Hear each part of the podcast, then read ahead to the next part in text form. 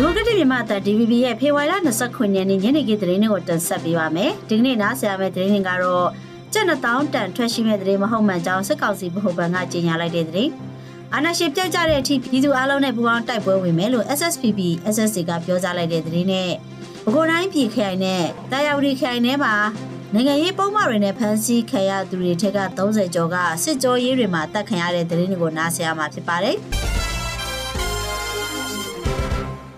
မက်လာအတွင်းကျပ်1000တန်ငွေစက်ကူတွေထွက်ရှိမဲ့တဲ့မဟုတ်မမှန်ဖြစ်တဲ့အကြောင်းစစ်ကောင်စီလက်အောက်ခံနိုင်ငံတော်ဗဟိုဘဏ်ကဖေဖော်ဝါရီလ26ရက်နေ့ရက်စွဲနဲ့ထုတ်ပြန်ပါတယ်။2000တန်တွေထွက်ရှိမဲ့ဆိုတဲ့မဟုတ်မှန်တဲ့အတူသတင်းမားတွေကြောင့်မော်တော်ကားတွေဒေါ်လာတွေဝယ်ယူစုဆောင်းနေကြတာကြောင့်မော်တော်ကားဈေးတွေမြင့်တက်ဒေါ်လာဈေးတွေအလွန်မြင့်တက်နေတဲ့အကြောင်းသတင်းတွေထွက်ရှိနေတယ်လို့ငွေကြေးဈေးကွက်တွေကိုကမောက်ကမဖြစ်အောင်ပြည်သူတွေကိုအထိတ်တလန့်ဖြစ်အောင်ဝိသမလောဘသားတွေကဆောင်ရွက်နေတဲ့အကြောင်းဗဟိုဘဏ်ကထုတ်ပြန်ချက်မှာဖော်ပြပါရတယ်။ ဥပဒေနဲ့ကိုက်ညီမှုမရှိဘဲနိုင်ငံသားငွေတွေကင်ဆောင်ဈေးကစားနေသူတွေကိုဥပဒေအရထိရောက်စွာအရေးယူသွားမှာအပြင်လက်ရှိဖြစ်ပေါ်နေတဲ့သတင်းတွေဟာကောလာဟာလာသတင်းတွေဖြစ်ပါကြောင်းဗဟိုဘဏ်ကအသိပေးကြေညာထားပါတယ်။ကျန်တဲ့တောင်းတန်ငွေဆက်ကူတွေကိုမြန်မာနိုင်ငံဗဟိုဘဏ်က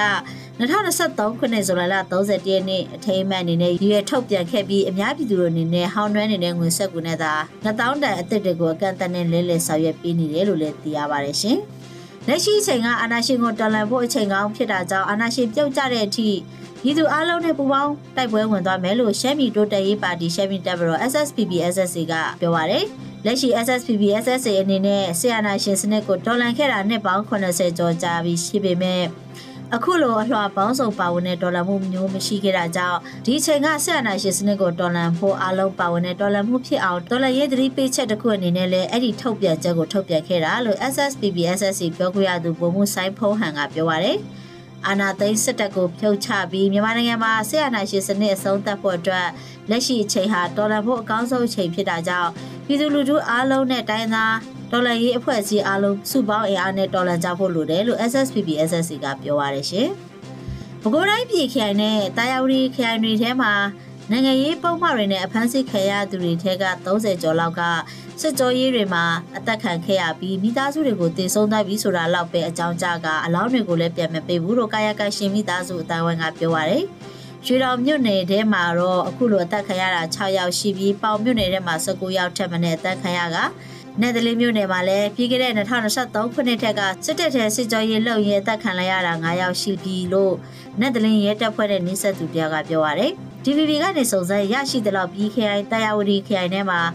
စစ်ကောင်စီကဖမ်းဆီးခဲ့ပြီးစစ်ကြောရေးတွေမှာအသက်ခံရသူစုစုပေါင်း30ကျော်တကယ့်မြေပြည်စီးရင်ရထပ်ပေါ်နိုင်ကြောင်းနဲ့တချို့ကာယကံရှင်တွေကမိသားစုဝင်တွေထပ်မံဖမ်းဆီးခံရမှာကိုစိုးရိမ်ပြီးမပြောရဲကြဘူးလို့လည်းဆိုပါတယ်ရှင်။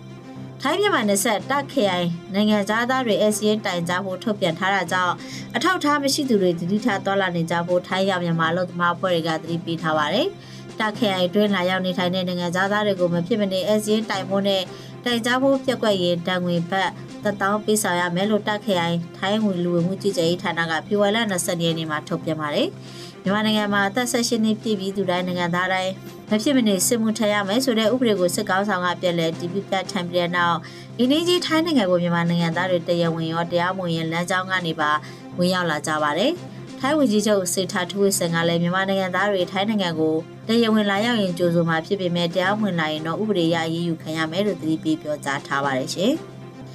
အမျိုးသားညွရဲ့အစိုးရ energy နိုင်ငံသားဝန်ကြီးဒေါ်စင်မအောင်ဟာပြည်သစ်နိုင်ငံကိုရောက်ရှိနေပြီးဒီခီးစဉ်အတွင်းမှာလက်ရှိမြန်မာနိုင်ငံအတွင်းပြည်သူတွေကြုံတွေ့နေရတဲ့ပြည်ပခအခြေအနေတွေ energy ရဲ့နိုင်ငံသားရေးမူဝါဒတွေကိုသက်ဆိုင်ရာတာဝန်ရှိသူတွေသတင်းမီဒီယာတွေနဲ့တွေ့ဆုံဆွေးနွေးသွားမယ်လို့သိရပါတယ်။ ဒေါ်စင်မအောင်ကိုပြည်သစ်နိုင်ငံဆိုင်ရာကိုယ်စားလှယ်နတ်စုမောင်နဲ့ရုံးအဖွဲ့ကတွားရောက်ကြိုဆိုနှုတ်ဆက်ခဲ့ပြီးပြည်သစ်ရောက်မြန်မာနိုင်ငံသားတွေမြန်မာဒီမိုကရေစီရေးအားပေးထောက်ခံသူတွေနဲ့ရင်းနှီးနှီးတွေ့ဆုံမယ်လို့ energy နိုင်ငံသားရေးဌာနကသတင်းထုတ်ပြန်ထားပါတယ်ရှင်။ ကချင်ပြည်နယ်ဖားကတ်မြို့နယ်တာမခတ်စခန်းတိုင်းတိုက်ပွဲအတွင်းစစ်ကောင်စီတပ်ရဲ့လက်နက်ကြီးနဲ့ပစ်ခတ်မှုတွေကြောင့်တိုက်ခတ်မှုတွေကြောင့်နေအိမ်တွေမိလောက်ပျက်စီးခဲ့ရပြီးဒေသခံတွေထိခိုက်ဒဏ်ရာရှိမှုတွေရှိနေပါတယ်။တာမခန်ကျေးရွာအထက်တန်းကျောင်းနီးကဒေသအခေါ်နက်ရည်တောင်ကုန်းမှာရှိတဲ့စစ်ကောင်စီတပ်စခန်းနဲ့ရဲစခန်းကိုဖေဖော်ဝါရီလ26ရက်နေ့ည4နာရီကလေးကကချင်လူမျိုးရေးတပ်မတော် KIA နဲ့ KBDF ပူးပေါင်းတပ်တွေက ပူပေါင်းထိုးစစ်ဆင်ပြီးတဲ့နောက်ရဲစခန်းကိုတိမ့်ပိုက်ထားပြီးလက်ရှိတပ်စခန်းကုန်းကိုတိမ့်ပိုက်ရရှိနိုင်ရေးဆက်လက်ပြီးတော့တိုက်ပွဲဝင်နေကြောင်းနှစ်ဖက်တိုက်ပွဲပြင်းထန်နေတယ်လို့သိရပါတယ်။စစ်ကောင်စီတပ်ကဖကတ်ပြူဟာကုန်းကနေလက်နက်ကြီးတွေနဲ့အဆက်အပြတ်ပြစ်ခတ်နေတဲ့ပြင်လေကြောင်းကနေပါ